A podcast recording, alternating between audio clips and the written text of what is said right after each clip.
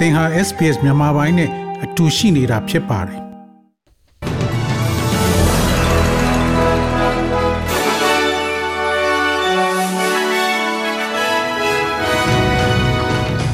မေလ14ရက်အတွက်ထိတ်တန့်ရောက်နေတဲ့သတင်းတွေကတော့မြန်မာနိုင်ငံမှာမနက်ဖြန်အစပြီးကဘာလက်ခီးသွားဗီဇာကိုပြန်လည်ဖွင့်ပေးတော့မယ်ဆိုတဲ့အကြောင်း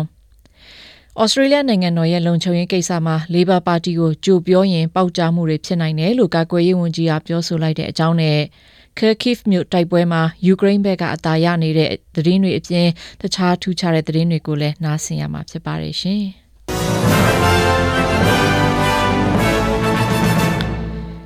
ဩစတြေးလျနိုင်ငံကာကွယ်ရေးဝန်ကြီးပီတာဒါတန်ကနိုင်ငံတော်ရဲ့လုံခြုံရေးနဲ့ပတ်သက်လာရင်အတိုက်ခံခေါင်းဆောင်အန်တိုနီအယ်ဘနီစီဟာအမှန်တရားနဲ့ကင်းကွာနေပြီးပြည်သူကိုတလွဲတွေပြောဆိုနေတယ်လို့ဝေဖန်လိုက်ပါတယ်။အတိုက်ခံခေါင်းဆောင်အယ်ဘနီစီကဝန်ကြီးချုပ်စကော့မော်ရီဆန်ဟာအမေရိကန် UK နဲ့ဩစတြေးလျနိုင်ငံတို့အကြားချုပ်ဆိုတဲ့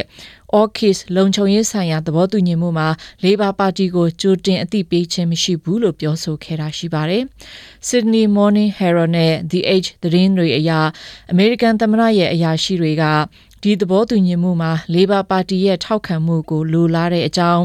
နျူကလ িয়ার နဲ့လက်ပတ်တဲ့ရေငုပ်သင်္ဘောတိဆောက်ရေးမှာ Labor Party ကပါထောက်ခံတာကိုအမေရိကန်ကလိုချင်တဲ့အကြောင်းပြောဆိုခဲ့တယ်လို့ဖော်ပြထားတာရှိပါတယ်။ကာကွယ်ရေးဝန်ကြီးပီတာဒါတန်ကတော့သူတို့ကသာ Labor Party ကိုအသိပေးလိုက်မယ်ဆိုရင်အဲ့ဒီသတင်းကပေါက်ကြားသွားမှာဖြစ်တယ်လို့ပြောဆိုလိုက်ပြီး Mr. Albanese အနေနဲ့သူတို့ကိုတောင်းပန်တဲ့နယ်လို့ပြောဆိုလိုက်ပါတယ်။ So I think Mr Albanese uh, has overstepped the mark today. I think if he had a problem with this ဒီကနေ့မှာပြောဆိုခဲ့တဲ့စကားနဲ့ပတ်သက်ပြီး Mr. Albanese အနေနဲ့တောင်းပန်မှုလုပ်တင်တယ်လို့ထင်ပါတယ်။ Labor Party ကိုကြိုတင်အသိပေးတာကပြဿနာ ကြိုတင်အသိမပေးတာကပြဿနာဖြစ်တယ်ဆိုရင်ဟိုအရင်လတွေကတည်းကသူကပြောတင်ပေးမဲ့မပြောခဲ့ပါဘူး။အခုသတင်းစာထဲမှာဒီအကြောင်းပါလာတော့မှပဲပြောလာတာဖြစ်ပြီး American ဘက်က Labor ကိုမဖြစ်မနေအသိပေးဖို့လိုတယ်ဆိုတဲ့သဘောမျိုးနဲ့တော့မပြောခဲ့ပါဘူး။တကယ်လို့ American က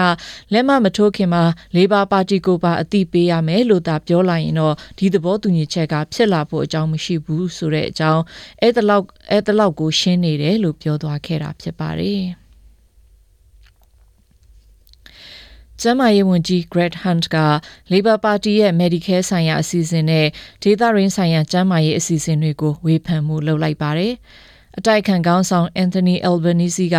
သူတို့ကသာအနိုင်ရမယ်ဆိုရင် Medicare ဒီထက်ခိုင်မာတောင့်တင်းစေဖို့နဲ့လူနာတွေသူတို့ဆရာဝန်နဲ့တွေ့ဆုံရမှာဒီထက်အဆင်ပြေစေဖို့အတွက်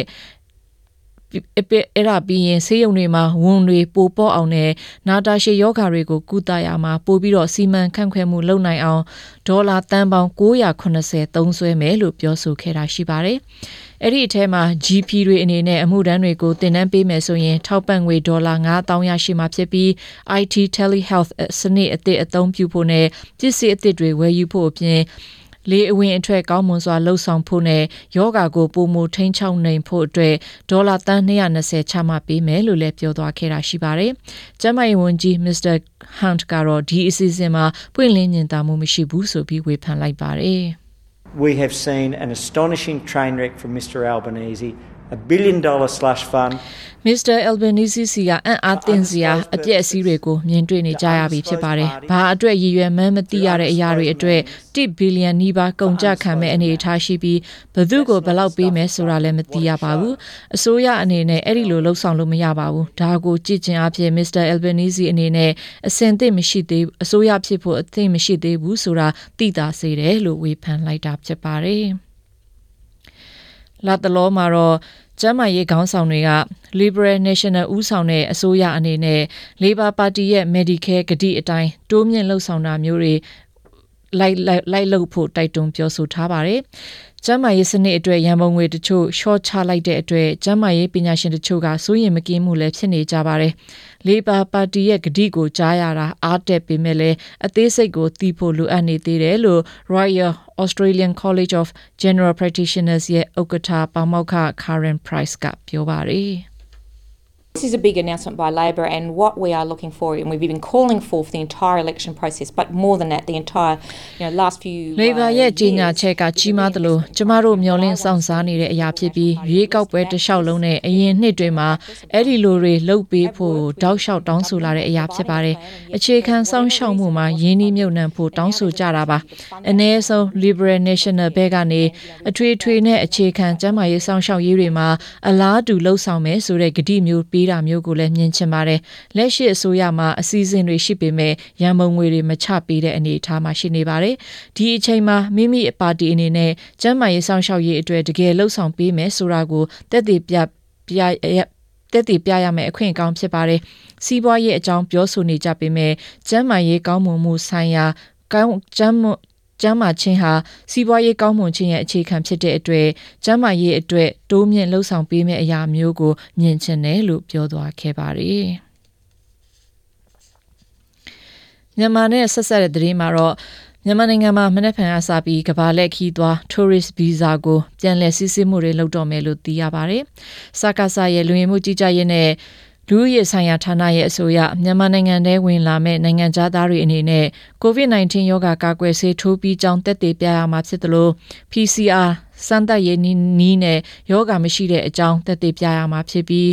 ကိုဗစ်ကိုပါအာမခံပေးတဲ့ကျန်းမာရေးအာမခံရှိဖို့လိုတယ်လို့သတ်မှတ်ထားပါတယ်။စီးပွားရေးဗီဇာကိုဧပြီလ၁ရက်နေ့မှာစတင်လက်ခံပြီးဒီရက်ပိုင်းအတွင်းမှာကမ္ဘာလက်ခီးသွားဗီဇာကိုစတင်စစ်ဆေးမှုလုပ်ဖို့ထုတ်ပြန်လိုက်တာဖြစ်ပါတယ်။ ကာကွယ်ဆေးအပြည့်အဝထိုးထားရင် quarantine ဝင်စရာမလိုဘူးလို့လည်းဖော်ပြထားပါတယ်။နိုင်ငံရေးလှုပ်ရှားသူတွေကတော့စစ်ကောင်စီအနေနဲ့ရရှိတဲ့ဝင်ငွေတွေကိုသူတို့အကျိုးအတွက်သာအသုံးပြုမှာဖြစ်ပြီးသူတို့ကိုပုံကန်တဲ့လူတွေကိုဖိနှိပ်ရမှာပြန်လည်အသုံးပြုမှာဖြစ်တဲ့အတွက်အခုလောလောဆယ်မြန်မာနိုင်ငံကိုအလဲပမသွားကြသေးဖို့တိုက်တွန်းမှုတွေလည်းရှိနေပါတယ်။ စကိုင်းတိုင်းရေဦးမြို့နယ်အတွင်းမှာရှိတဲ့ကြေးရွာတွေကိုစစ်ကောင်စီတပ်ဖွဲ့ဝင်တွေဝင်ရောက်မွေနှောက်ပြီးတဲ့နောက်ဒီကနေ့တေဆုံးမှုအစည်းအဝေးအရ29ဦးရှိသွားပြီလို့အေယာဝတသတင်းမှာဖော်ပြထားပြီး DBB သတင်းမှာတော့အယောက်30ကျော်သွားပြီလို့ဖော်ပြထားပါတယ်။တေဆုံးသူတွေထဲမှာပြည်သူ့ကကွယ်ရေးတပ်ဖွဲ့ဝင်2ဦးသာပါရှိပြီးကြံတဲ့လူတွေကတော့ဒေသခံပြည်သူတွေဖြစ်တယ်လို့ပြောဆိုနေကြပါတယ်။ လက်တလောမှာအတီးပြုတ်နိုင်ဖို့ကြိုးစားနေဆဲဖြစ်ပြီးရုပ်အလောင်းတွေဟာလည်းမီးလောင်မှုတွေကြောင့်ပျက်စီးနေတဲ့အတွက်အတီးပြုတ်နိုင်ဖို့အခက်အခဲတွေဖြစ်နေရတယ်လို့ဒေသခံတွေဒေတာခံ PDF တွေက AR သတင်းကိုပြောသွားခဲ့ပါတယ်။မေလ10ရက်နေ့တုန်းကစစ်ကောင်စီတပ်ကအောင်တတဲ့ရွာအောင်တတဲ့ရောက်ရွာကနေမုံတိုင်ပင်ရွာကိုတွားရောက်တော့ PDF တွေနဲ့ထိတ်တိုက်မှုဖြစ်ပြီးတဲ့နောက်စစ်ကောင်စီတွေက မုံတိုင်ပင်ရွာမှာအခြေချပြီးအနီးနားကရွာသားတွေကိုဖမ်းဆီးပြီးရွာကိုမွေနှောက်မီးရှို့မှုတွေပြုလုပ်ခဲ့တာလို့ဒေသခံတွေကိုကားပြီးမြန်မာသတင်းတွေမှာဖော်ပြထားပါတယ်။နိုင်ငံတကာသတင်းဘက်မှာတော့အမေရိကန်နိုင်ငံကပညာရှင်အဖွဲ့ရဲ့အဆိုအရခါကီဖ် မြို့တိုက်ပွဲမှာယူကရိန်းဘက်ကအသာရနေပြီးရုရှားဘက်ကဆုတ်ခွာနေတဲ့အနေအထားရှိတယ်လို့ဆိုပါတယ်။ Institute for the Study of War ရဲ့ထုတ်ပြန်ချက်အရယူကရိန်းတပ်တွေဟာ Kharkiv မြို့ကိုရုရှားတွေမဝိုင်းနိုင်အောင်လှုံ့ဆော်နိုင်ကြတယ်လို့ဖော်ပြထားပါတယ်။အဲ့ဒီမြို့ရဲ့မြို့တော်ဝန်အိုလေစညေဟူဘော့ဗ်ကလည်း အခုဆိုရင်ပြည်သူတို့ချို့သူတို့နေအိမ်ရှိရာမြို့တွေထဲကိုပြန်လာနေကြတာမျိုးလုပ်နေကြပြီလို့ပြောဆိုပေမဲ့တတိထားကြဖို့လည်းတတိပေးထားပါတယ်။မြို့တစ်ခွင်မှာရုရှားစစ်သားတွေမိုင်းတွေအများအပြားထောင်ထားတယ်လို့လည်းပြောပါတယ်။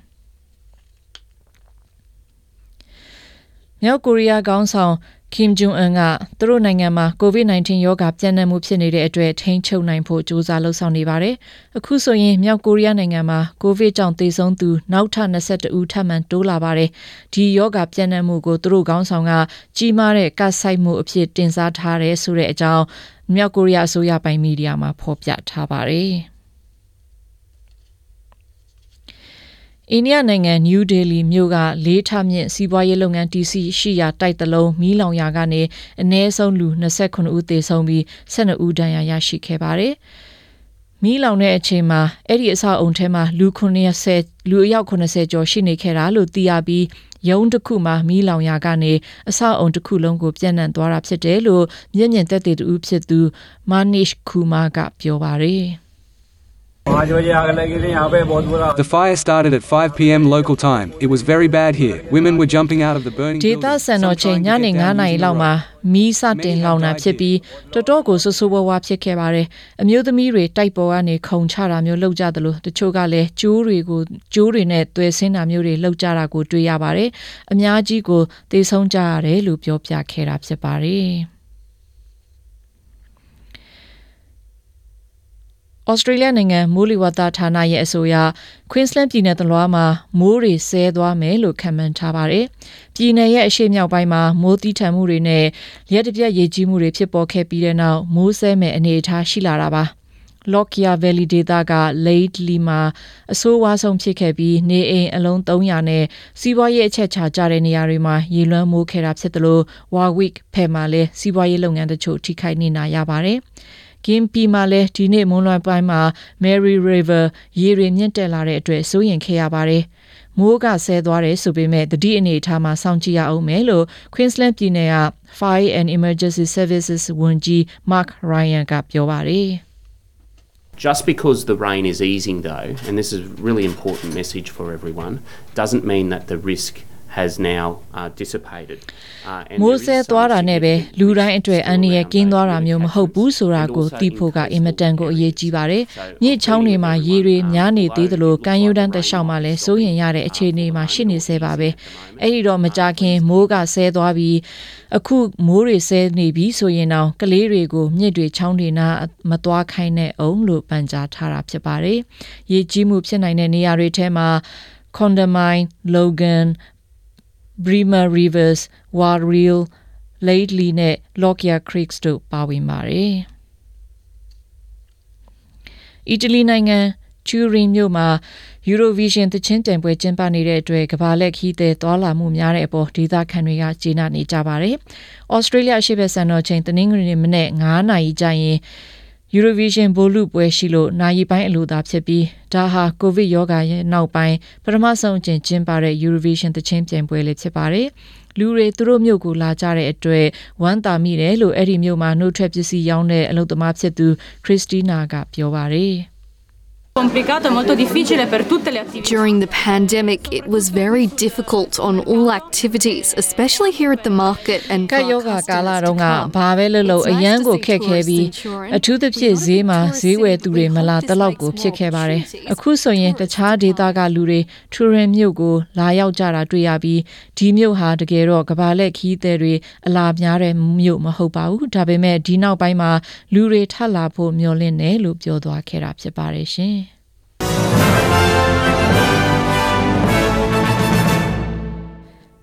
အားကစားသတင်းမှာတော့မနေ့တုန်းက National Basketball League NBL ဘိုလ်လုပွဲမှာအနိုင်ရတဲ့ Sydney Kings အသင်းဟာစနေနေ့အထိချီတက်ပွဲချီတက်ပြီးတော့အောင်ပွဲခံနေကြပါတယ်။ Tasmania က Jack Jumpers အသင်းကို68မှတ်88မှတ်နဲ့အနိုင်ရသွားတာဖြစ်ပြီး18နှစ်အတွင်းမှာပထမဆုံးအကြိမ်ဘိုလ်လုပွဲမှာအနိုင်ရသွားတာဖြစ်ပါတယ်။ American ကနေလာရောက်ကစားတဲ့ Jalen Adams ကအခုလိုသူ့ရဲ့ခံစားချက်ကိုဖော်ပြထားပါတယ်။ Uh, it was a great feeling. This is my first year, man, and you guys made it so welcoming for me, and it's been nothing but love. And ပျော်စရာကိုအယမ်းကိုကောင်းပါတယ်ကျွန်တော်အတွက်ပထမဆုံးနှစ်ဆိုပေမဲ့ခမရတို့တွေကကျွန်တော်ကိုလှိုက်လိုက်လဲလဲကိုကြိုဆိုပြီးချစ်ချင်းမေတ္တာတွေပြသခဲ့ကြပါတယ်ဒီအဖွဲ့မှာပါဝင်ရတာကျွန်တော်အယမ်းကိုကျေနပ်ပြီးတည်ဖြစ်ရပါတယ်ကျွန်တော်နောက်မှာရှိနေတဲ့ကျွန်တော်အသင်းသားတွေဟာညီအကိုလိုဖြစ်နေပြီး Sydney Kings အဖွဲ့သားဖြစ်ရတာကိုဂုဏ်ယူပါတယ်အားလုံးကိုကျေးဇူးတင်ပါတယ်လို့ပြောသွားခဲ့တာဖြစ်ပါတယ်မနေ့ဖန်တနင်္ဂနွေနေ့အတွက်မိုးလေဝသတွေမှာတော့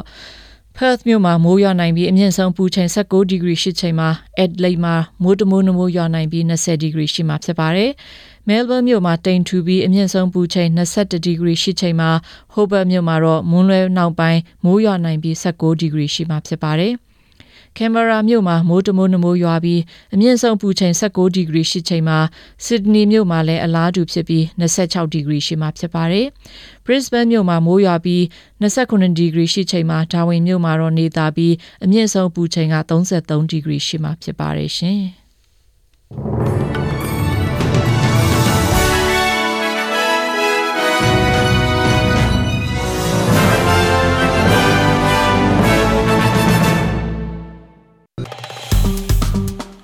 SPS မြန်မာပိုင်းကို Facebook ပေါ်မှာ like ရှာပြီး like မျှဝေမှတ်ချက်ပေးပါ